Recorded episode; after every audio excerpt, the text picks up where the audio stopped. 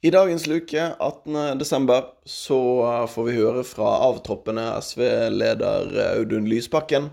Eh, både han og Sivert, som vi fikk høre fra i går, har jo tidligere vært eh, med i podkasten i litt lengre episoder. Så hvis du vil høre mer Brann-supporterprat eh, fra de to, og har gått glipp av de to episodene, så er det bare å scrolle litt tilbake igjen i tidslinjen i din favorittpodkast-app. Nå så skal vi gi ordet over til Audun, og han stiller seg sjøl helt i starten av dette klippet som du skal føre nå, et av livets virkelig, virkelig store spørsmål. Eh, vi gir ordet over til eh, Audun Lysbakken.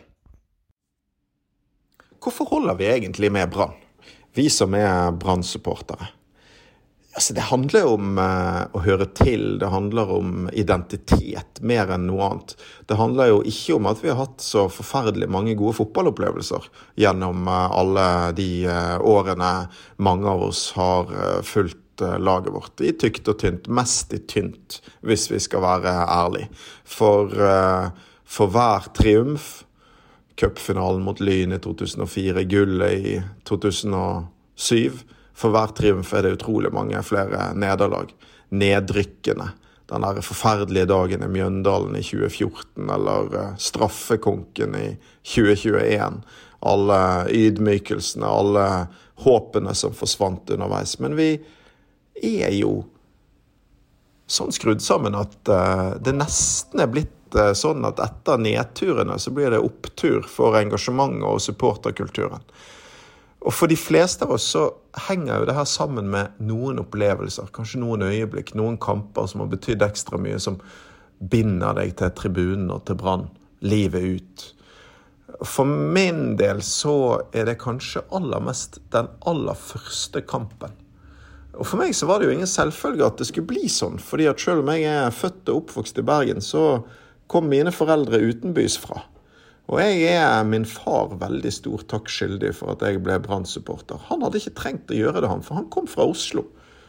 Han holdt med Lyn. Han kunne gitt meg den grusomme skjebnen å vokse opp i Bergen som uh, Lyn-supporter.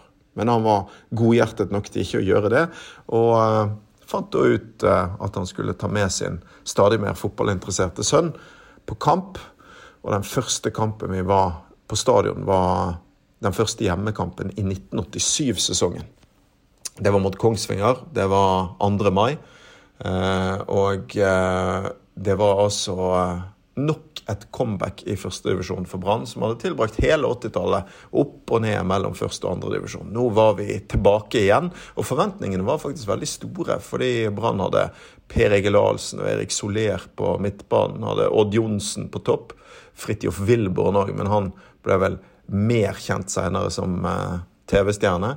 Og i mål var det den islandske landslagsmålvakten Bjarne Sigurdsson. Det var til og med skriverier husker jeg, i avisene om at eh, Brann kanskje kunne være gullkandidat.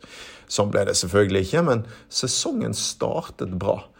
Jeg tok og bladde opp nå, for jeg husket ikke helt når målene kom. Men eh, Brann tok ledelsen etter 51 minutter ved Halvor Storskogen. Kongsvinger utlignet etter 56, og så allerede etter 58 så skåret Odd Johnsen vinnermålet.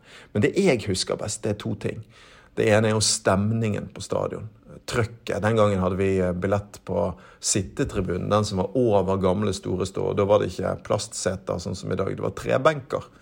Men det var fullt, det var trøkk, det var stemning. Det var et fellesskap som du kunne høre til i.